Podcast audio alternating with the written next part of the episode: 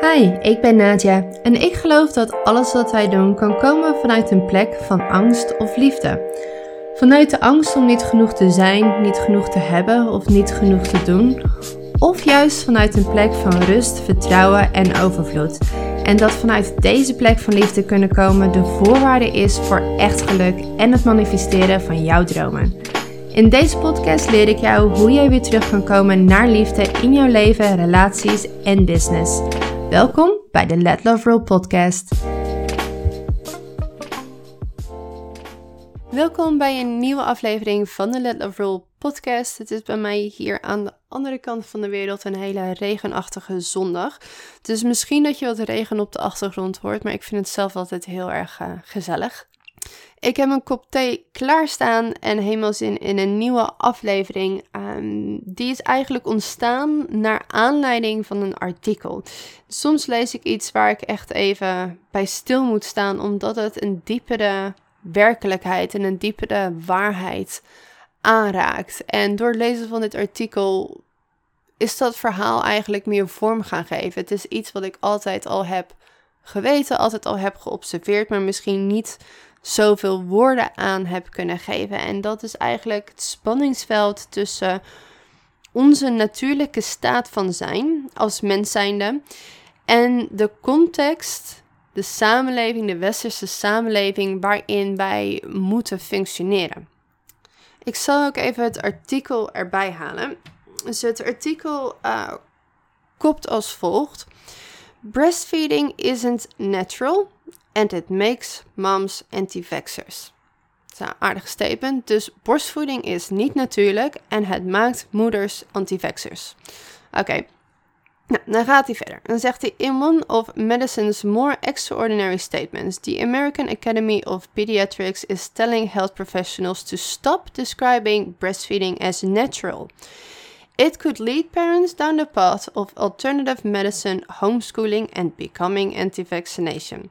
The label gives the impression that breastfeeding is healthier and better, says Jessica and of the Medical Ethics Department, ik herhaal the Ethics Department, at the University of Pennsylvania, who have launched a campaign to stop the positive use of the word natural. Writing in the AAP's journal Pediatrics, they say the term creates unintended consequences, such as being anti vaccination. Studies have shown that anti vaccination sentiment tends to overlap with reliance on and interest in complementary and alternative medicine, skepticism of institutional authority, and interest in health knowledge, autonomy, and healthy living practices, they say. If doing what is natural is best in the case of breastfeeding, how can we expect mothers to ignore that powerful worldview when making other health choices? Nou, als je dit even moet laten landen, ik moest dit echt even laten landen. Dus wat ze eigenlijk zeggen, en dit komt dus weer van de wetenschap vandaan en van de ethics department of all departments, is eigenlijk dat het woord natuurlijk um, met een positieve associatie gevaarlijk is.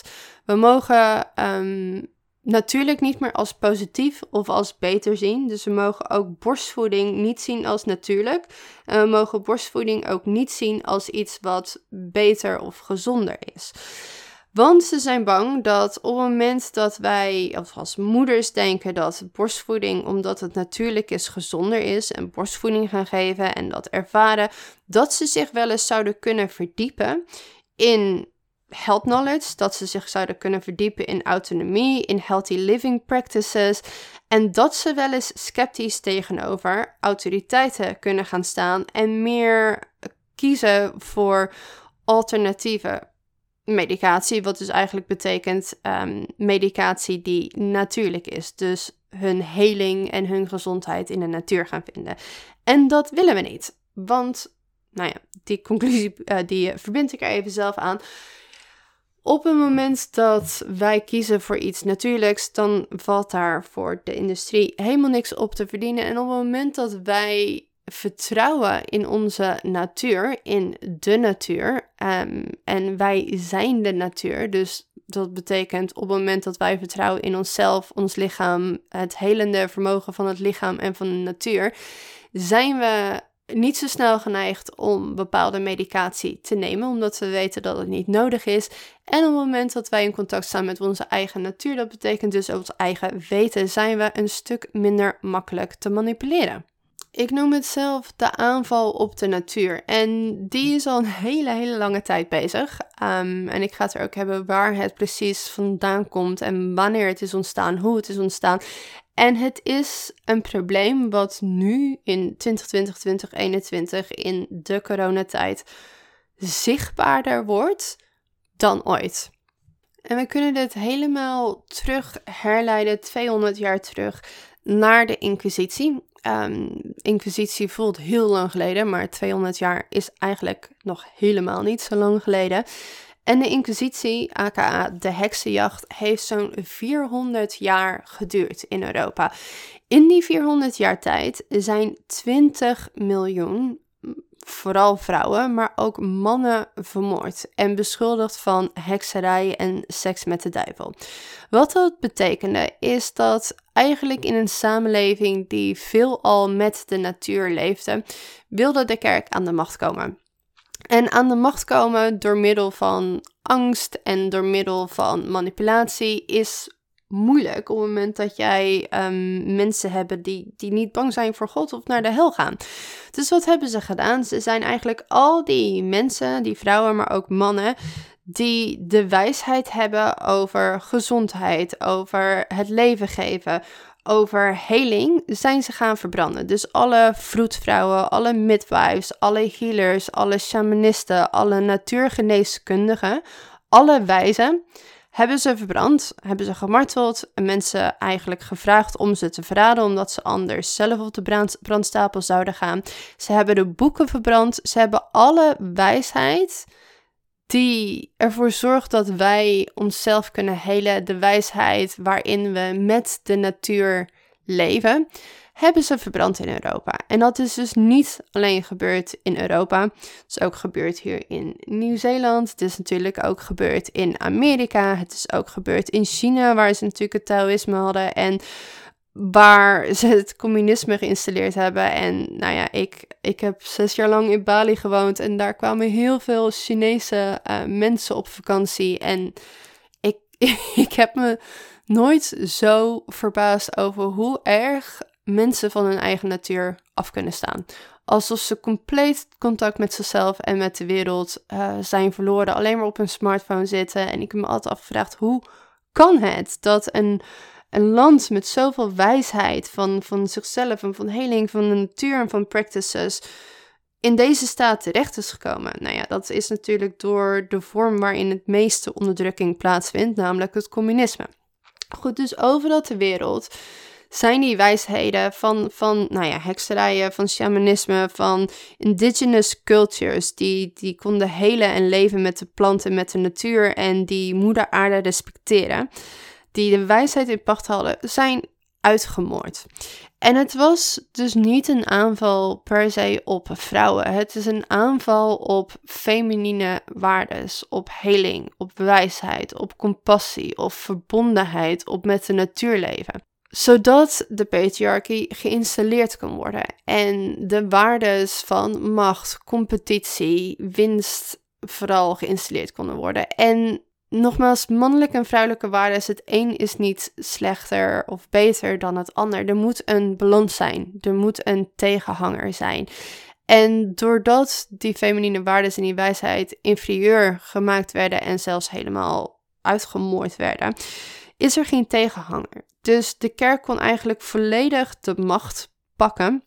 Waarin vrouwen dus uiteindelijk ook echt onderdrukt werden en waarin ze enorm veel rijkdom hebben kunnen vergaren. En dit deden ze ook door heel veel angst. Als er één manipulatiemiddel is die werkt, dan is het angst. Als mensen heel erg bang zijn, eh, dan veiligheid is altijd de aller, aller, aller, aller, allereerste basisbehoefte. Dus op het moment dat mensen zich niet veilig voelen, op het moment dat mensen bang zijn, zijn ze bereid om alles op te geven totdat ze zich veilig voelen. En dan pas, als aan die behoefte voldaan wordt, dan gaan we weer eens kijken naar andere dingen. Dus op het moment dat mensen doodsbang zijn, doodsbang voor de kerk, maar vooral doodsbang om naar de hel te gaan, want dat was natuurlijk het verhaal, kan je ze eigenlijk alles laten doen wat je wilt. Dus mensen gingen braaf naar de kerk toe. En wat heeft kerk eigenlijk gedaan? Die heeft niet gezegd van, hey, God zit in jou, God is overal, God zit in de natuur. Nee, God is iets erboven en wij zetten onszelf daartussen. Dus wij hebben macht, wij staan tussen jou en God en jou en het weten in. En wij gaan even vertalen wat God allemaal zegt. Nou, dat is natuurlijk onnoemelijk veel macht, uh, wat je dan een, een instantie geeft. En je ziet ook dat die macht enorm misbruikt is. Um, dat er bizar veel oorlogen zijn gevoerd in naam van religie. Dat er insane veel mensen vermoord zijn in de naam van christendom. En de ironie is natuurlijk dat dat precies helemaal niks te maken heeft met waar God voor staat. De kerk viel dus ook mensen gelijk aan op hun natuur. Je wordt geboren en je bent schuldig. Boom. Welkom op de wereld. Jij hebt schuld. Want jouw natuurlijke zijn, daar moet je je schuldig over voelen. Jouw natuurlijke behoeften, zoals seks hebben, daar moet je je schuldig over voelen. Jouw eigen weten mag je vooral niet op vertrouwen. Nee, nee, nee, nee. Want je moet op God vertrouwen. En wij vertellen je wat God dan zegt. En zeg je instinct of je gevoel iets anders, dan moet je dat negeren, want je moet blind vertrouwen op God. Met andere woorden, op ons. En dat is de definitie van geloven volgens ons, de kerk. Nu is inmiddels de macht van de kerk natuurlijk afgenomen, ook door de enorme wereldwijde schandalen van het misbruik van kinderen. Wat ook heel duidelijk weergeeft wat er gebeurt op het moment dat jij de natuur probeert aan te vallen of probeert te onderdrukken. Dus wat ze eigenlijk hebben gezegd is pas na, ik weet niet meer precies welke tijdzone het was, maar pas later werd het celibaat toegevoegd. Dus daarvoor hadden uh, pastoren gewoon een vrouw en kinderen. Maar wat gebeurde er? Op het moment dat zij kwamen te overlijden, ging hun rijkdom naar de oudste zoon toe. Nou, dat was natuurlijk niet helemaal de bedoeling volgens de kerk, want die wilde graag alle rijkdom zelf houden. Dus hebben ze gezegd: pastoren mogen geen vrouw, geen kinderen, dus ze mogen geen seks hebben. Nou, seks, daar komen we later ook op terug, is natuurlijk een van de meest natuurlijke instincten die we hebben. Het gaat over voortplanting. En het is ook een hele, hele sterke energie die niet te onderdrukken valt.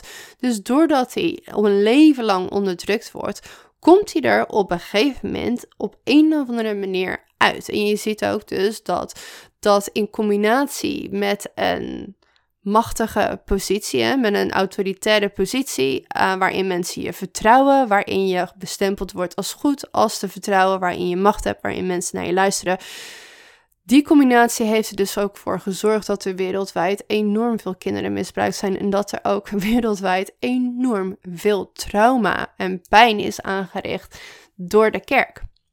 Dus dit is weer een gevalletje onderdrukte natuur voor winst en de consequenties daarvan, dat is dan, uh, nou ja, even jammer. Maar de kerk is eigenlijk, nou ja, gevallen. De kerk heeft absoluut niet meer zoveel macht. Alleen je ziet dus dat de aanval op de natuur, de heksenjacht, eigenlijk nog steeds wat subtieler en soms wat minder subtiel nog steeds plaatsvindt. En dat de kerk eigenlijk een beetje vervangen is door hele grote bedrijven die eigenlijk meer macht hebben dan wie dan ook in de politiek bij elkaar. En dan heb ik het ook weer over vooral die ene procent versus de 99 procent. Dat is waar het meeste geld zit. En dat is dus ook weer um, degene die beïnvloeden wat de media zegt en hoe de samenleving eigenlijk vormgeeft. Dus je ziet dat zij ook heel erg de aanval op de natuur promoten. Vertrouw niet de natuur, vertrouw niet jezelf. En vertrouw de autoriteiten en vooral vertrouw alsjeblieft de farmaceutische industrie.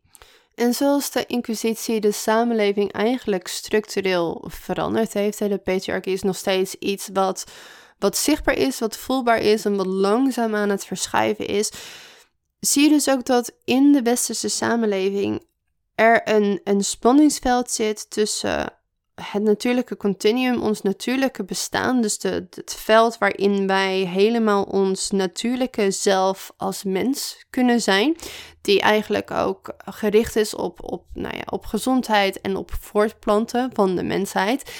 En de samenleving en de groepsregels, de verwachtingen van de samenleving. Dus wij zijn eigenlijk we worden geboren en we hebben eigenlijk altijd die spanning of die keuze tussen: hey, dit zijn mijn natuurlijke behoeften, dit zijn mijn natuurlijke instincten, dit zijn mijn natuurlijke verlangens. En anderzijds zie ik dat uh, de volwassenen iets heel anders doen en iets heel anders van mij verwachten en verlangen.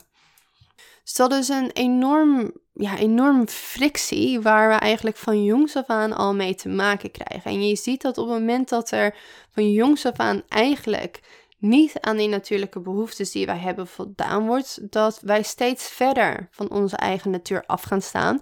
Dus onze eigen natuur is gewoon onszelf. Dus we gaan steeds verder van onszelf afstaan. En wat er dan gebeurt is dat we dat contact met onszelf verliezen. En het makkelijker eigenlijk is om je te conformeren aan de groeps- en de groepsregels en aan de verwachtingen van de maatschappij. En dat dus de meeste mensen kiezen voor voldoen aan de regels van de maatschappij en niet hun eigen natuurlijke behoeften. Ook vooral omdat ze dat contact ermee dus al heel lang geleden kwijt zijn geraakt. En daarin zie je eigenlijk in de maatschappij een hele duidelijke programmering naar voren komen. En dat is eigenlijk dat lichaam dat al miljarden jaren bestaat, dat dat lichaam nog steeds niet het beste weet hoe het moet functioneren. Dat de natuur eigenlijk nog steeds niet weet beste weet wat de natuur moet doen. Maar dat wij als, als mens of dat de autoriteiten dat beter weten. Daarin zit nog een veel belangrijkere opvatting. En dat is dus eigenlijk dat de mens en natuur separaat zijn. Dus enerzijds heb je daar de natuur en heb je ons als mens. Terwijl wij als mens zijn onderdeel van de natuur. We zijn onlosmakelijk verbonden met de natuur. We zijn de natuur. En door de natuur af te wijzen, wijzen we onszelf af. En ik geloof ook dat juist omdat we onszelf separate zien van, van de natuur, dat we op deze manier met de aarde om kunnen gaan. En ook dat we op deze manier met beesten om kunnen gaan. En op het moment dat ik het heb over het klimaat en klimaatverandering, dan vind ik het ook belangrijk om te zeggen dat wij als het, de bevolking, dat wij maar 4% aandeel hebben van de hele CO2-uitstoot. Dat het dus vooral de grote bedrijven zijn en de industrieën zoals bijvoorbeeld de vleesindustrie, die het grootste aandeel hebben van de vervuiling van de aarde en voor de klimaatverandering. Dus weer Eigenlijk wordt de aarde verkracht voor de winst van enkele. En is het eigenlijk vooral de bevolking die daar enorm de schuld van krijgt en waarvan wordt gezegd dat er vrijheden moeten worden ingeperkt, want het klimaat. Waar je dus de aanval op de natuur eigenlijk het sterkst naar voren ziet komen, of die strijd, die frictie, is eigenlijk juist op de vlakken waarin de natuur en onze instincten heel erg naar boven komen. Dus in baren, seks hebben en kinderen krijgen. Met andere woorden, voortplanting. Dat is natuurlijk de natuur. En dat is natuurlijk waar de natuur voor staat. Dus je ziet inderdaad dat al bij het bevallen, dus bij het leven geven, bij het begin van het leven, baren, dat je daar ziet dat er zoveel angst is bij vrouwen. Dus we zijn eigenlijk doodsbang voor een van de meest natuurlijke dingen. We zijn bang voor onze eigen natuur. En we zijn het gaan zien door onze programmeringen als iets medisch in plaats van iets natuurlijks. Want het is het meest natuurlijke wat je ongeveer maar kan bedenken. En als je ooit bent bevallen, dan weet je dat je oerinstincten en je lichaam het eigenlijk volledig van je overnemen. En ik zie baden zelf ook als je hoofd uitschakelen en je volledig overgeven aan de natuur, aan je instincten en aan je lichaam. Want je lichaam weet precies wat het moet doen. En dat dit een heel natuurlijk en krachtig proces is, wat inderdaad iets medisch zou kunnen worden, maar wat niet van oorsprong medisch is. En dat je ziet dat op het moment dat wij in ziekenhuizen gaan bevallen, dat er eigenlijk dus constant op zo'n moment waarop de natuur het belangrijkste is, die instincten het belangrijkste zijn, je intuïtie, dat er keihard tegen die natuur ingegaan wordt. Hè. Er zijn de felle lampen, wat de, de, het spel van de hormonen eigenlijk verbreedt. Er wordt constant lopen er mensen binnen. Er worden vragen aan je gesteld. Je wordt uit je bubbel gehaald. Er wordt een vrouw gevraagd om te gaan liggen. elke vrouw die je een veilige ruimte zou bieden waarin zij kan luisteren naar haar instincten, zal gaan staan, zal op haar handen en voeten gaan, gaan staan, zal eigenlijk zorgen dat de zwaartekracht meewerkt. Enkele vrouwen zullen willen gaan liggen, omdat het eigenlijk niet natuurlijk is. Het is normaal gemaakt, gewoon omdat het makkelijk is voor de dokter, zodat hij geen last van zijn rug krijgt. Maar de vrouw wordt dus gevraagd om weer keihard tegen haar natuur in te gaan. Er wordt gevraagd, oh wacht even met, wacht even met pushen. Of begin nu met pushen terwijl je nog niet moet pushen. In mijn eerste bevalling zei een zuster, oh um, nog even wachten met pushen. En mijn lichaam begon en ik dacht alleen maar, jij bent, jij bent helemaal gek. Er, er valt niet te wachten, er valt niet te stoppen. Dit is wat mijn lichaam doet. En als zou ik het kunnen stoppen, dan wil ik het niet stoppen. Laat mijn lichaam lekker haar gang gaan. Um, dus er, er, wordt eigenlijk gestuurd aan de natuur. Er wordt eigenlijk gedacht: oh, wij moeten even kijken hoeveel ontsluiting er is. En dan pas mag jij gaan pushen. Terwijl je lichaam doet het allemaal zelf. Dus ook daarin zie je dus dat het vertrouwen in het lichaam en in die instincten gewoon een beetje kwijtgeraakt is. Door de mensen die je oprecht met de allerbeste bedoelingen willen helpen. Maar ook door vrouwen zelf. En dat ze vaak ook het contact met hun lichaam al zo ver zijn kwijtgeraakt dat ze het bijna niet meer kunnen voelen. En dan heb je het over een, een en dan is de baby er. En dan. En dan zie je dus ook dat hier, op het moment dat een baby ter wereld komt, een baby. Zo begint hij trouwens heel hard te stormen. Een baby die wilt huid op huid contact. Een baby wilt aan haar moeder geplakt zitten. Ik zeg altijd, je kan de eerste drie maanden eigenlijk zien als het vierde trimester. Het kind zit dan wel niet in je buik, maar het zit eigenlijk gewoon nog net zo goed op je lichaam geplakt. Dat is de natuurlijke staat waarin een baby wilt verkeren. Je wilt aan je borst, je wilt op je, op je huid, je wilt je hartslag voelen, die wil dicht bij je zijn. Want een baby voelt zich nog niet veilig. Dus je moet die veiligheid en die hechting, dus dat eerste chakrapunt, dat, dat gevoel van veiligheid, van hechting, van ondersteund worden, wordt daar ontwikkeld. En wat je ziet is dat de baby komt eruit en vaak wordt de baby dan heel snel weer opgepakt, wordt gemeten, wordt gewogen, wordt gewassen. Nou, een baby is aan het krijsen. En pas als die baby weer teruggelegd wordt, is de baby vaak weer blij. Wat je ook heel vaak ziet gebeuren is dat, een, hè, soms kunnen dingen niet anders, maar is dat als een baby wordt weggehaald voor een dag of een week of langer door medische redenen, dat dat een bizar trauma veroorzaakt. Ik werk zelf in mijn praktijk heel veel met mensen die dit hebben meegemaakt.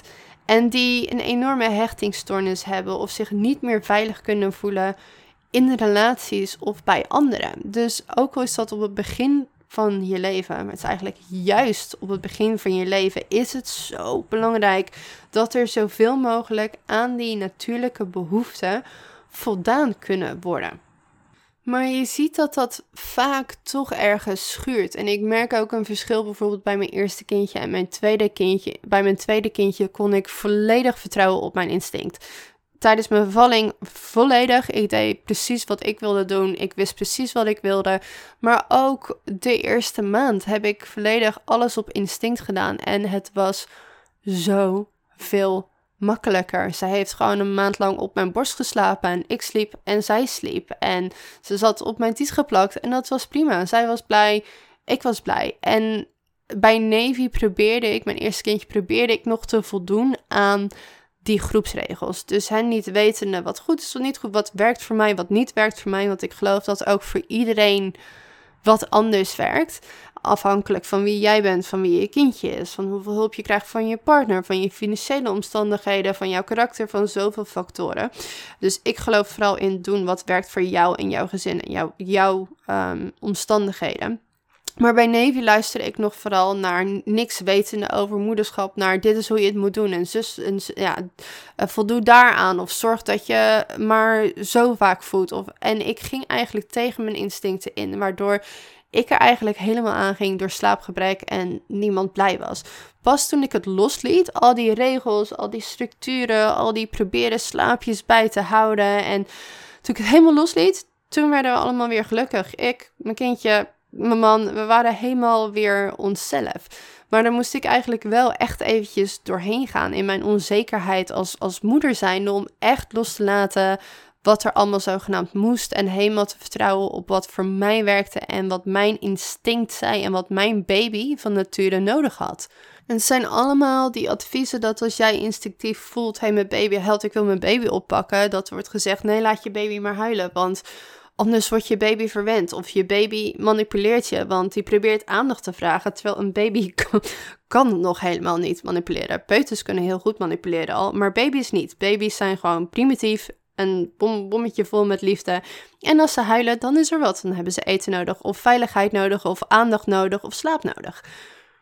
Dus vaak door dit soort omstandigheden en vaak ook door omstandigheden van hè, nog niet weten of de onzekerheid, maar ook financiële omstandigheden of andere situaties worden ook moeders soms genoodzaakt om eigenlijk tegen die natuurlijke behoeften die ze hebben in te gaan. En dat bijvoorbeeld baby's vaak na drie maanden al naar de crash moeten brengen. Want ja, een carrière waar je je hele leven lang kaart voor gewerkt hebt, die je niet zomaar eventjes uh, het raam uit wilt gooien. En waarvan je niet langer weg kan blijven dan drie maanden. Waarschijnlijk gaat dat tegen je natuurlijke instinct in om een pasgeboren baby naar de crash te brengen. En dan zie je ook dat in landen zoals Zweden, waar ze heel veel um, ook via wetenschappelijk onderzoek hebben gezien dat het eerste jaar, het eerste levensjaar van een mens. Dus wij hebben waarschijnlijk ook allemaal in meer of mindere mate dit trauma. Als er niet daaraan voldaan wordt dat, dat baby's um, dicht bij de moeder kunnen zijn en dat de moeder aanwezig kan zijn bij de kind, dat het gevolgen heeft op lange termijn. Voor hoe gelukkig iemand is, hoe goed iemand kan functioneren in de samenleving, hoe goed iemand kan functioneren in relaties. Dus daar hebben ze gezegd, wij zorgen dat vrouwen als carrière hebben, het eerste jaar bij hun kindje kunnen zijn. En ze weten dus dat de kosten die ze daar maken uiteindelijk bespaard worden, omdat de criminaliteit omlaag gaat en omdat mensen beter, gezonder en gelukkiger kunnen functioneren in de maatschappij. Dat is dus een voorbeeld van wat er gebeurt als de samenleving overeen gaat komen met het natuurlijke continuum, met de natuurlijke behoeften van de mens. En dan hebben we natuurlijk ook nog niet gehad over seks. Dus we hebben baren, we hebben kinderen krijgen. En derde pijler waar natuurlijk de natuur en de instincten, eh, als het gaat over voortplanting, heel erg sterk aanwezig zijn, is het wel seks. En seks is denk ik een van de meest beladen onderwerpen die er zijn. Um, ik denk dat iedereen wel bepaalde, hetzelfde als met geld, dat iedereen wel bepaalde overtuigingen en emoties en programmeringen heeft als het gaat om seks. Er zijn vrij weinig mensen die ik ken waar ik naar kan kijken en denken: jij bent helemaal seksueel vrij. In al je onschuldigheid, in al je, in, in je puurste vorm. Daar zijn er echt maar heel weinig van. We hebben allemaal zoveel lagen van schuld, van schaamte, van trauma, van een gevoel van onveiligheid, van een gevoel van veroordeling zitten op seks en eigenlijk op wie wij moeten zijn, zeker als vrouwen zijn als het gaat op seksueel gebied, wat we verplicht zijn aan mannen op seksueel gebied. Het, het, de programmering dat seks eigenlijk iets is wat je moet doen voor een man. En daarbij hebben natuurlijk de kerk als hele belangrijke, belangrijke invloed. Ik weet nog dat ik mijn allereerste vriendje, zijn moeder was heel erg gelovig. En toen moest ik mee naar een of andere, weet ik veel wat het was, in de kerk. En ik was daar nog nooit geweest, dus ik vond het ook wel heel erg boeiend. Um, dus ik ging daarheen en toen moest ze een liedje zingen. En ik weet niet hoe het liedje ging, maar het ging in ieder geval over dat vrouwen die seks zouden hebben met meer dan één man, waren slecht, waren verdoemd, waren, nou ja, volgens mij zeiden ze nog niet het woord hoer, maar daar kwam het wel een beetje op neer. En ik moest dat hardop zingen en dat, dat weigerde ik ook gewoon. Maar ik dacht, wat, waarom hebben we het dan alleen over vrouwen? waarom is het dan niet de man en de vrouw? Waarom is het dan alleen de vrouw? En na afloop kwamen er volgens mij echt een hele zwerm mensen naar me toe die me allemaal gingen vertellen dat ik dezelfde dag me nog moest bekeren tot de kerk, want anders zou ik wel eens naar de hel kunnen gaan, want je weet nooit wanneer je onder een auto komt. Ze zie je ook dat hoe erg zij geprogrammeerd zijn met die angst, dat zij uit beste wil van de wereld mij willen beschermen, allemaal voortkomend uit hun programmering, uit hun angst. Maar goed, ik, uh, ik wijk even af. Het onderwerp seks. Dus eerst hebben we de kerk die natuurlijk heel veel schuld en schaamte legt, vooral op vrouwen. Hè. Seks is, op het moment dat je seks hebt met meerdere mannen, maak je dat vies, maak je dat slecht, maak je dat schuldig. Seks is iets wat we moeten veroordelen, wat, hè, wat we eigenlijk niet mogen willen. Dus dan is er al een oordeel en een schuld wat je, van iets wat je van nature voelt. We vinden het al raar bij kinderen als ze aan zichzelf zitten. Dan trekken we een vies gezicht of dan worden we spastisch van. Of dan Ehm, dan zeggen we dat, dat, dat het iets is om je voor te schamen, dat het iets is om te verbergen. Dus die programmeringen die beginnen natuurlijk al heel erg vroeg. En daarbij krijg je natuurlijk de invloed van de porno-industrie. Ik ga hier echt een keer een hele podcast over doen trouwens, want het is zo, ik geloof dat het zo'n grote sleutel is naar een nieuwe wereld toe waarin we hele erge vernedering zien van vrouwen, objectificatie zien van vrouwen, waarin dus ook weer, hè, de man is cool als hij heel veel met heel veel vrouwen naar bed gaat en nou ja, in de porno-industrie is het dan niet slecht als een vrouw met heel veel mannen naar bed gaat. Um, en eigenlijk is die vrouw het is een toneelspel. Dus die vrouw is compleet uit contact, die man is compleet uit contact. En de vrouw speelt eigenlijk een toneelspel. En dat is wat jonge mensen te zien krijgen als ze denken: oké, seks, hoe werkt dat? En wat je dus eigenlijk ziet is een samenleving die enerzijds seks volledig ontkent of veroordeelt en anderzijds absoluut geobsedeerd is door seks. Dus je ziet seks overal. Het wordt gebruikt om, om dingen te verkopen, hè? seks zelfs. Ehm, je ziet het in, op social media is alles geseksualiseerd. Terwijl eigenlijk in zijn puurste vorm is seks, is seksuele energie, is levensenergie. Is de energie waaruit we allemaal voortkomen, is de energie van creatie, van, van verbondenheid, van een, een hele sterke, krachtige energie die eigenlijk voor heel veel heling en heel veel goeds ingezet kan worden. Maar in plaats daarvan zijn we nu op een punt waarin heel veel mensen die ik heb gesproken dit ook zeggen dat ze seks hebben compleet uit contact met hun lichaam in hun hoofd, bezig met hoe het eruit zien, ziet, hoe ze overkomen, ehm, hoe hun lichaam eruit ziet, of ze het wel goed doen.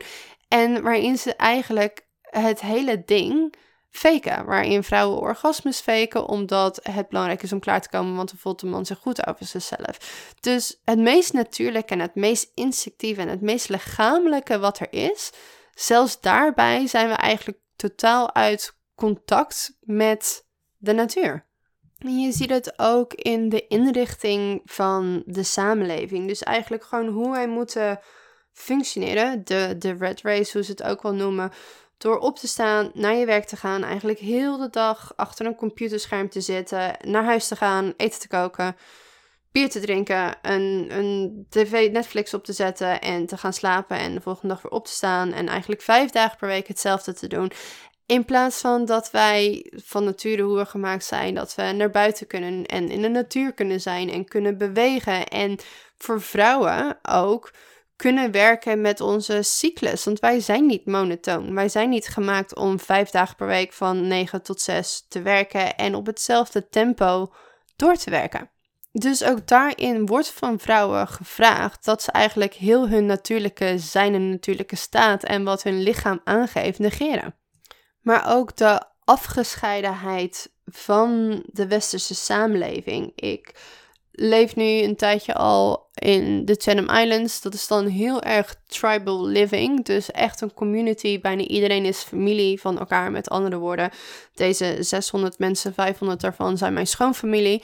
Heel boeiend, ook wel eens heel lastig. Maar wel ook mooi om te zien hoe mensen in een community leven. En dan zie je dus ook weer hier in economisch opzicht niet zo handig. Want als je in een community leeft, dan hoeven er maar een aantal mensen te werken.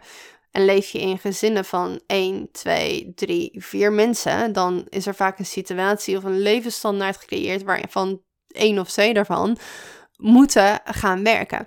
Alleen wij zijn niet gemaakt om zo afgesneden van elkaar te leven, om in zulke kleine groepjes te leven of helemaal alleen te leven. We zijn gemaakt om samen te komen, we zijn gemaakt om in cirkels samen te komen. Mannen zijn gemaakt eigenlijk om, om samen te gaan jagen. Vrouwen zijn gemaakt om in cirkels bij elkaar te komen en elkaar te helpen met de kinderen. Ze zeggen wel eens: It takes a village to raise a child. En dat is echt waar. Alleen in het Westen, wat er gebeurt, is dat vrouwen dus en moeder moeten zijn. En dat eigenlijk nagenoeg alleen moeten doen, omdat we niet meer in communities leven. En daarbij ook nog een carrière hebben. En daarbij ook nog een keer verantwoordelijk zijn voor de huishouding. Met andere woorden, ze nemen zoveel verschillende taken op zich. Wat voorheen één taak was. En dat dan ook allemaal nog een keer helemaal alleen. Something's gotta give. Ergens moet je gaan inleveren of moet het kind gaan inleveren. En je ziet dan ook dat zoveel moeders overspannen zijn en dat zoveel mensen ook eenzaam zijn, vereenzamen. We zijn zogenaamd meer verbonden met elkaar dan ooit door het internet, maar eigenlijk worden we steeds eenzamer en raken we steeds meer het contact met elkaar kwijt. En je ziet dus ook dat zelfmoorden op dit moment de pan uitstijgen. Dat, dat depressies op dit moment de pan uitstijgen. Dat de maatregelen, dus eigenlijk er is dit virus en door dit virus gaan wij, hè, is dit een reden voor ons om de samenleving nog veel verder te veranderen. En eigenlijk te zeggen: hey, we leveren um, een x aantal mensenrechten in. We gaan jullie vrijheid beperken. En eigenlijk wordt er gezegd: we gaan gewoon een stuk minder mens zijn. Dus die natuurlijke staat van zijn, daar zijn we eigenlijk al heel erg aan gewend geraakt dat daar voor een groot gedeelte niet aan voldaan worden. En, en dat, dat, dat zijn we gewend. We weten niet beter, dat is normaal. Nu zeggen ze, nou, dat gaan we dus gewoon nog een heel stuk terugschroeven. En we gaan nog een heel stuk meer menselijkheid opgeven. En dat wordt het nieuwe normaal, totdat we daar dus weer aan gewend zijn en daar weer onszelf aan conformeren. Want angst anders, hè, moeten we heel erg bang zijn, want anders gaan we dood. En daarbij zie je dus ook onmiddellijk, doe je dat één week, doe je dat twee weken, is er niet zoveel aan de hand. Wat natuurlijk de originele belofte is. Volgens mij is het vandaag de One Year University van de twee weken flatten curve. Dus als je dat voor langer termijn doet, dan zie je dus dat hoe langer er niet aan die natuurlijke behoeften voldaan worden, hoe meer mensen ongezond, ongelukkig, depressief worden, waarin mishandeling, abuse, noem het maar op, eigenlijk gewoon blijven stijgen en stijgen en stijgen. En dan over de angst van de dood gesproken. Weer een angst waar, die wij hebben voor iets heel erg natuurlijks. En ik denk dat dit heel veel mensen triggert. En dat is oké, want daar, daar ben ik voor.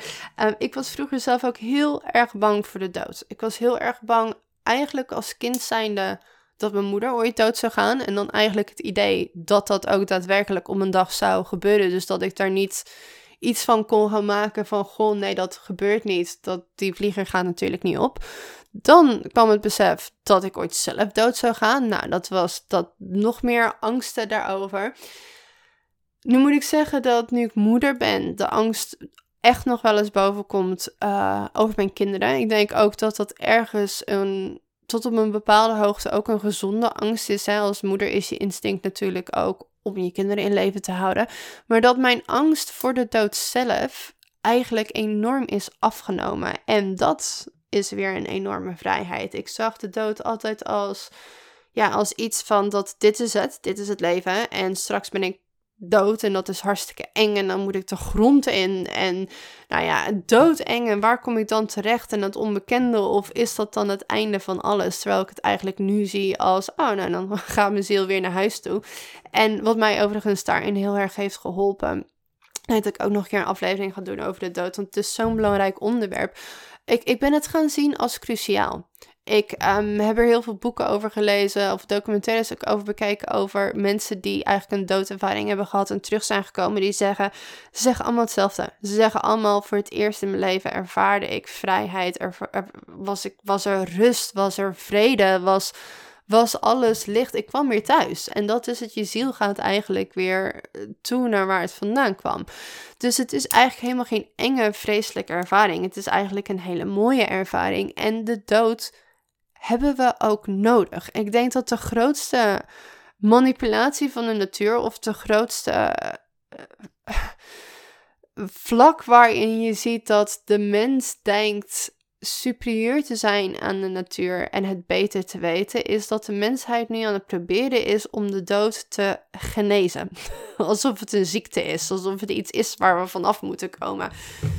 De dood hebben we nodig. Er is een begin en er is een einde. Er moet een begin zijn en er moet een einde zijn. Er moet de dood zijn om voluit te kunnen leven. Hoe meer jij bereid bent om dood te gaan, hoe meer jij voluit kan leven. Hoe meer jij het leven kan waarderen omdat het schaars is. Omdat het een keer ophoudt. Jouw tijd is valuable omdat er een einde komt aan je tijd. Jouw relaties zijn belangrijk omdat er om een dag een einde aan gaat komen.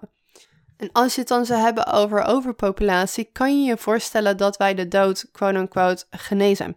Dan zouden we geen kinderen meer mogen maken, want iedereen blijft op de wereld bestaan. Dit is weer als wij de natuur zouden kunnen accepteren voor wat het is, zouden we een stuk minder in angst leven. Zullen we meer onszelf kunnen accepteren dat de dood moet toekomen aan degene die doodgaan. En ik zit hier dus op, op de Chatham Islands, dat is, nou ja, zeg maar twee uur vliegen ten oosten van Nieuw-Zeeland. En hier is ook nog heel erg de Maori-cultuur en is alles vrij tribal. En deze maand waren er in één week zes mensen doodgegaan. Dat is heel erg veel op een populatie van 600 mensen. En er is niks. Er is niet iemand die even kan bellen en die zegt: Hey, kan je even een begrafenis regelen? Alles moet zelf gedaan worden. Dus je ziet ook, als er iemand overlijdt, in dit, keer, in dit geval zes keer in een week, dat heel het eiland stilstaat. Dus vrouwen gaan samen eten maken. Er is een groepje mensen die het lichaam gaat verzorgen. Er is iemand die een kist moet maken. Er is iemand die de vluchten van de familie aan het regelen is. De mannen komen allemaal bij elkaar. Er worden allemaal ceremonies uitgevoerd. En op de begrafenis zelf vind ik dus ook heel boeiend en heel confronterend. Dus ik heb dus zes keer achter elkaar op een begrafenis gestaan. In de ochtend kom je, kom je samen en je ziet ook de mannen hebben in de ochtend een gat gegraven. Dat doen ze zelf. De kist is zelf gebouwd. Je gaat er staan en het is heel confronterend. Er wordt niet weggekeken van de dood. Uh, er wordt een hakka gedaan, er, er wordt gehuild, er, wordt gerouwd. Um, de mensen zelf dragen de kist de grond in. En vervolgens zijn het weer de mannen zelf die schep voor schep, en dat is heel emotioneel, um, het gat weer dichtgraven. En ik, ik vind het heftig, ik vind het confronterend. Ik vind het ook confronterend dat op het moment dat degene overlijdt, dat eigenlijk de familie naast het lichaam slaapt. Ik flipte daar op het begin echt heel erg van. Uh, maar ze laten het lichaam niet alleen. Ze zijn ook niet bang voor het lichaam. Ze zijn niet bang voor de dood. En daarna wordt het leven gevierd. Het leven van die persoon. Iedereen komt samen. Nou, vind ik dan wat minder leuk dat er een beest wordt afgemaakt. En dat ze dat beest dan opeten. Maar goed, dat, dat terzijde. Uh, er wordt gedronken, er wordt, er wordt gefeest, er wordt gegeten, er wordt geknuffeld. Um, wat voor mij voelt als echt het leven eren. In Nederland vind ik het altijd weer zo onnatuurlijk als we dan naar een begrafenis gaan en iemand is weg en dan vervolgens drink je een kopje koffie en ga je naar huis en dan zit ik altijd thuis en dan weet ik niet wat ik met mezelf aan moet. Ehm, maar ook toen ik kleiner was, ik werd weggehouden bij begrafenissen. Ik werd weggehouden bij de dood en dat vond ik heel fijn. Ik dacht echt, oké bedankt, doei. Ik wil hier niks mee te maken hebben. Alleen daardoor ben ik wel angstig geworden voor de dood. Terwijl op het moment dat je er niet voor wegkijkt en het eert, dat je het meer gaat accepteren voor wat het is. Dus doordat mensen hier zoveel dichter bij de natuur leven, je ziet meer bevallingen, je ziet meer baby's, je ziet meer schattige lammetjes, je ziet meer het begin van het leven, maar je ziet ook meer het einde van het leven. Um, je ziet meer dode beesten, je ziet, je, je ziet meer het overlijden van dichtbij. Je staat dichter bij de natuur en je eert beide, het begin en het einde. Als wij wat minder bang zouden zijn voor de dood en dat wat meer zouden accepteren, denk ik ook dat weer dat natuurlijke continuum geëerd zou worden. Ik, um, mijn stiefvader, zijn moeder, um, was op een gegeven moment, nou ja, hoe je het zou kunnen noemen, op. Haar man was overleden en ze was klaar, ze was moe, ze wilde naar huis. En dat is ook wat ze zeiden. Ze, ze dat ze naar de moeder toe wilde. Ze wilde naar huis toe. En ze hebben die vrouw, en dat vind ik echt heel erg, ze hebben die vrouw zo'n vijf jaar daarna in leven gehouden. Op een onnatuurlijke manier. En dat kostte een godsvermogen. En dat vind ik dan nog niet zo belangrijk. Dat het de maatschappij een godsvermogen kostte. Wat ik vooral erg vond, was dat het tegen de wil van die vrouw in was. En recht tegen de natuur in. Ze was klaar met leven. Ze wilde niet meer. Haar lichaam was klaar. Maar ze werd door zoveel medicatie en dingen in leven gehouden. dat ze niet kon gaan. En al haar kwaliteit van leven werd daarmee opgeofferd. Ze had geen leven meer. Ze had geen kwaliteit van leven meer. Ze had geen joy meer. Ze snapte op een gegeven moment niet meer wie wat was. Ze snapte helemaal niks meer. Dus dat betekent dat wij zo gefixeerd zijn op niet dood mogen gaan, dat we eigenlijk bereid zijn om het leven ervoor op te geven. En dat zie je dus ook nu op grote schaal gebeuren. Mensen die eigenlijk in een categorie vallen als het gaat om corona, waar ze bijna, nou echt, bijna geen risico hebben om dood te gaan, zijn bereid om eigenlijk hun leven stop te zetten uit angst om dood te gaan en uit een idee van als ik dan maar gewoon stop met leven, dan heb ik misschien een minuscuul percentage nog minder dat ik doodga aan corona. En die angst wordt gebruikt. Hier in Nieuw-Zeeland, uh, waar ik ben, dan staat het nieuws aan, want het is dus niet mijn huis, omdat er geen huizen zijn op dit eiland. Um, maar goed, elke dag zie ik kisten voorbij komen. Elke dag zie ik lijken in lijkzakken voorbij komen. Allemaal corona gerelateerd. Elke dag zie ik, hey, deze mensen zijn dood door corona. Heel heftig. En ik dacht op een gegeven moment, oké, maar oké, hoeveel doden zijn er eigenlijk gevallen door corona in Nieuw-Zeeland? Ik heb het opgezocht in een heel jaar tijd sinds het is begonnen, 26. 26 mensen. En ik zie elke dag lijken voorbij komen op de televisie. Als je het dan hebt over disproportionele angst voor de dood verspreiden. En ook hier zie je dus weer de belangrijke overtuiging: jouw lichaam weet niet wat het beste is, de natuur weet niet wat het beste is, wij weten het beter. En dit zie je dus ook in hoe wij met het lichaam omgaan. In plaats van dat wij het lichaam zien als oneindig wijs, wat het is, want je intuïtie, je weten, je instincten communiceren allemaal met jou via het lichaam. Jouw lichaam geeft precies aan wat werkt, wat niet werkt. Je lichaam is oneindig intelligent. Niet alleen dat hoofd. We hebben meerdere breinen. Dus het ook ons, ons hart is een soort met van eigen brein. Je, je, je buik, je onderbuikgevoel, zelfs je joni. Het zijn allemaal belangrijke aspecten van je lichaam die verschillende wijsheden in zich hebben.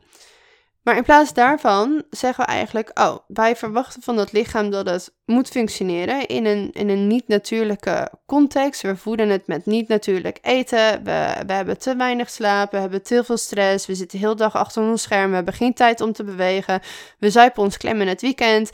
En nou, we gaan eigenlijk dan gewoon weer verder. En dan gaat er iets mis met dat lichaam. We krijgen hoofdpijn, eh, PMS-klachten slapeloosheid, noem het maar op. En dan zeggen we in plaats van dat we daar naar kijken als een signaal van hey, er gaat iets niet helemaal goed. Een depressie, hey, waarom ben ik depressief? In plaats daarvan zeggen we hey, ik zou niet depressief mogen zijn, ik zou geen hoofdpijn mogen hebben, ik zou moeten slapen. Dus in plaats van dat ik kijk naar mijn zelfhelend vermogen en de oorzaak van dit symptoom, ga ik beginnen met symptoombestrijding en ga ik een pilletje halen. Want laten we even eerlijk weten, wezen, het is natuurlijk ook veel makkelijker om een pilletje te halen dan om te gaan kijken naar wat er nou echt aan de hand is en door heling aan te gaan en door daadwerkelijk je levensstijl te veranderen. Dus daarin zie je ook steeds weer die quick fixes. Maar dit is het dus met de natuur. Op het moment dat je de natuur niet in zijn natuurlijke staat kan laten zijn, en dus symptomen ook weer gaat onderdrukken. Op het moment dat je links iets verandert, dan komt er rechts iets uit. Dan gaat er aan de andere kant wat mis. Dus die zitten dus ook met antidepressiva.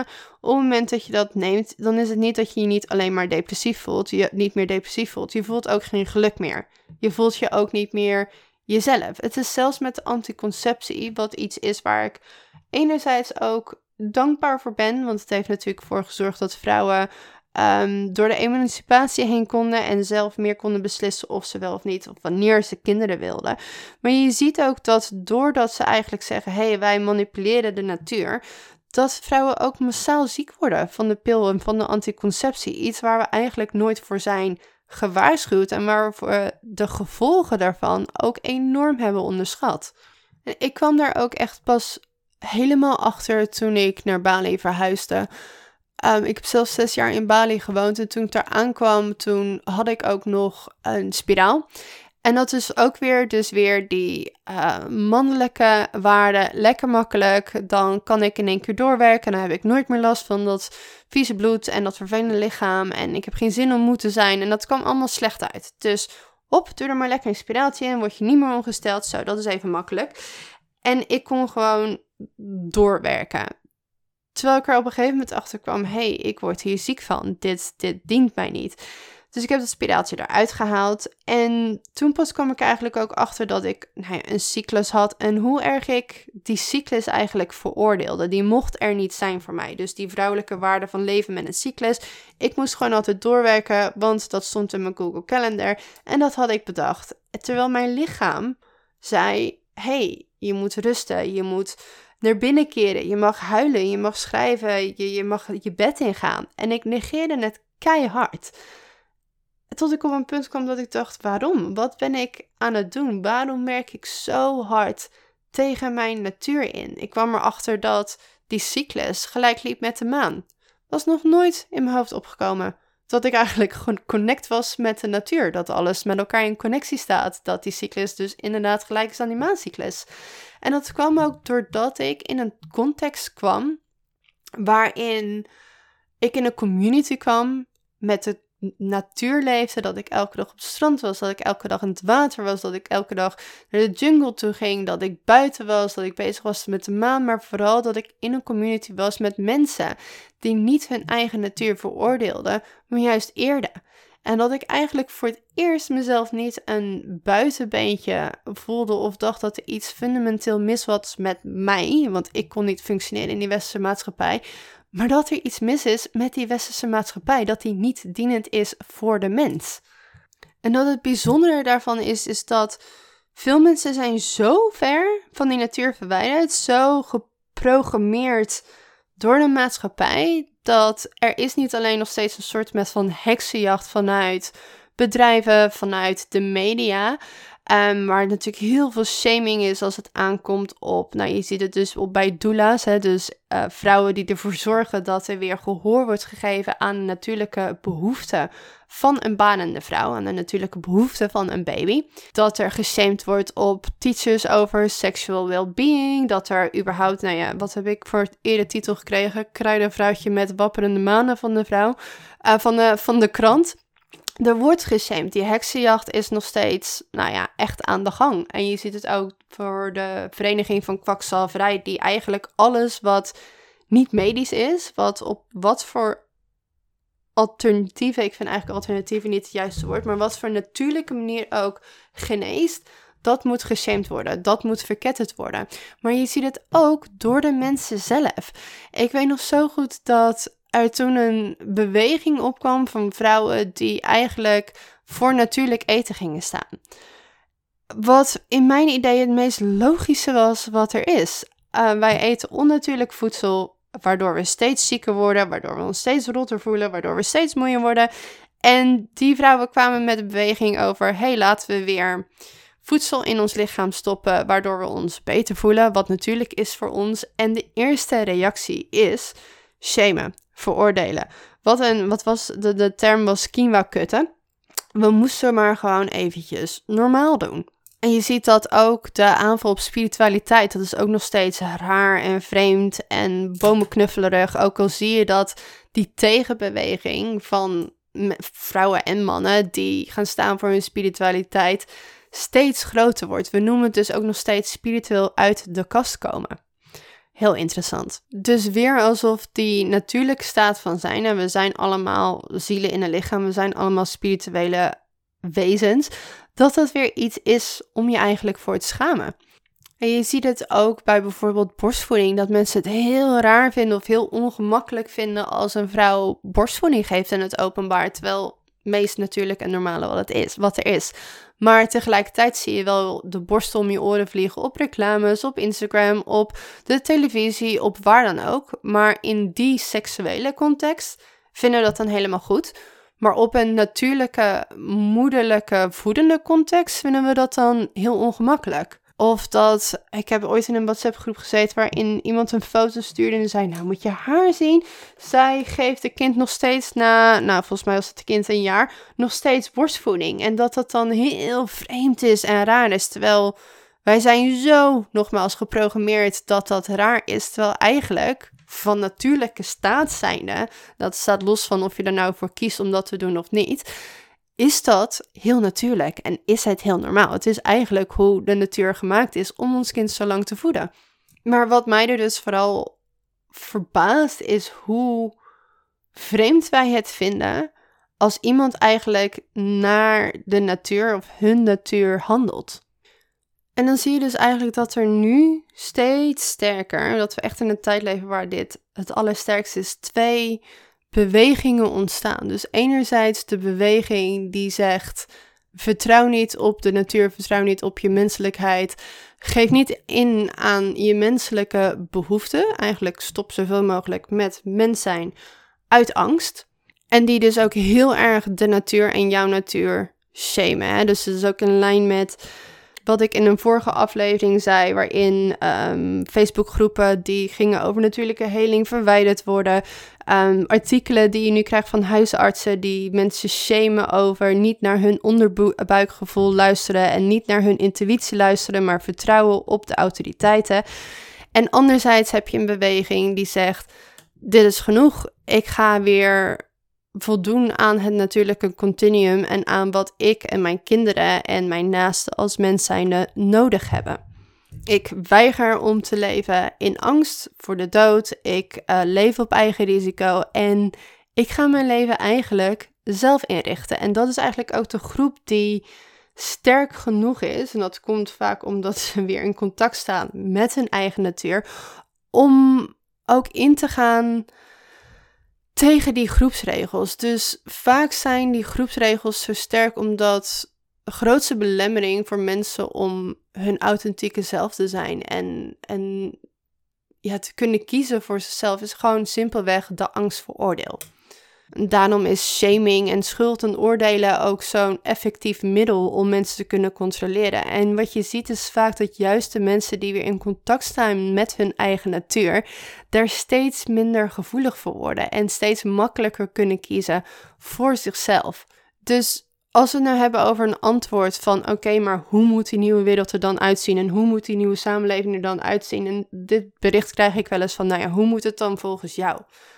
Nou ja, eigenlijk best wel simpel. Dan zouden we een samenleving moeten creëren die voldoet zoveel mogelijk aan dat natuurlijke continuum, aan de behoeften van de mens, waarin wij kunnen zijn, kunnen bestaan en gelukkig kunnen zijn, gezond kunnen zijn en samen kunnen leven. Dus dat betekent ook dat wij weer in communities gaan leven. Dat betekent dat we weer samen met de natuur gaan leven, zodat we ook de natuur weer kunnen respecteren. Zodat we weer in contact komen met onszelf, zodat we ook weer in contact kunnen komen met elkaar. Dat we waarschijnlijk weer lokaal gaan eten dat we weer gaan luisteren naar ons lichaam en ons lichaam weer gaan zien als wijs en de signalen voor wat het zijn, de signalen. Alleen we kunnen niet gaan wachten totdat vanuit het systeem dat die mensen dient, dat die mensen dit gaan veranderen. Het gaat nooit vanuit het systeem komen. Dus dat betekent dat het de mensen zelf zijn, dus dat jij het zelf bent, die dit zou moeten gaan veranderen. Dat je niet kan gaan wachten totdat er in één keer een nieuwe samenleving ontstaat. Wij moeten die nieuwe samenleving zelf zijn. En dit kan je doen door vele, vele manieren. Door simpele kleine dingen zoals elke dag de natuur in te gaan, zoals meer te gaan bewegen, zoals natuurlijker te gaan eten, zoals lokaal je boodschappen te doen. Meer naar buiten te gaan en misschien een community zelf te vinden of te creëren met mensen die like-minded zijn. Misschien kan je dit wel doen door naar de natuur te gaan verhuizen, door misschien een klein groentetuintje te maken in je tuin, door weer als vrouw zijnde te gaan leven met je cyclus, je lichaam weer te eren, jezelf ongesteld te laten worden als je ongesteld wordt. Door rust te nemen wanneer je lichaam rust wilt. Door te committen aan je eigen heling, door jezelf te herprogrammeren, of beter gezegd, je eigenlijk jezelf te ontdoen van alle programmeringen vanuit deze context die je niet dienen. Door simpelweg weer contact te gaan maken met je lichaam en je lichaam volledig te bewonen, contact te maken met de aarde onder je, door weer helemaal aanwezig te zijn. En door echt contact te gaan maken met je eigen weten, dat communiceert via jouw lichaam. Want dat is de beste guidance die je hebt. Je hebt altijd een innerlijk kompas. En eigenlijk gaat dit als vrouw zijnde echt over het activeren van het archetype de wild woman. En daarmee betekent wild niet hysterisch of out of control of uh, heftige, heftige feestjes. Wild woman betekent echt wild van, van de natuur. Onze eigen natuurlijke zelf als vrouw zijnde, die leeft met haar cyclus, maar die ook nee kan zeggen. En die weet wanneer iets klaar is. Die weet wanneer ze moet weglopen. Die weet wanneer iets niet meer dienend is. Die weet wanneer ze moet blijven en, en moet committen. De vrouw die zich niet laat plaatsen in kaders die haar niet dienen en die haar ziek maken. Die haar eigen ritme volgt en haar eigen wereld creëert. En die niet zichzelf laat onderdrukken door de verwachtingen van de maatschappij, door de angst van wat anderen van haar vinden, door de angst dat mensen haar misschien niet meer leuk vinden of niet meer aardig vinden. Dat de vrouw die haar waarheid kan spreken, omdat ze weet dat het is voor de greater good. Ongeacht wat mensen daarvan vinden, ongeacht of mensen daarvan getriggerd raken of hoe ze daar ook op reageren. Het is de vrouw die leeft met de natuur, die haar eigen wijsheden die we allemaal in ons DNA hebben zitten, weer herinnert. Die weer kan intappen in source, die in contact staat met haar spiritualiteit. Deze vrouw hebben we allemaal in ons. Vaak ligt die diep begraven onder allerlei lagen en conditioneringen en programmeringen. En vooral onder heel veel doen en moeten als vrouw zijnde in deze westerse samenleving. En het is een proces en een weg om je te ontdoen van al die lagen en om minder te gaan doen en meer ruimte te gaan creëren en weer te gaan voelen en terug te komen en weer contact te maken met haar. Want als je haar weer eenmaal gevonden hebt, dan wil je haar nooit meer kwijt. En daarmee ga ik weer afsluiten. Um, zoals altijd, was dit uh, useful? Was dit fijn? Heeft het je iets gebracht? Um, deel het vooral zodat meer mensen dit kunnen horen en meer mensen gebruik kunnen maken van deze podcast. En ik hoor ook altijd heel erg graag op Instagram van jullie wat jullie ervan vonden.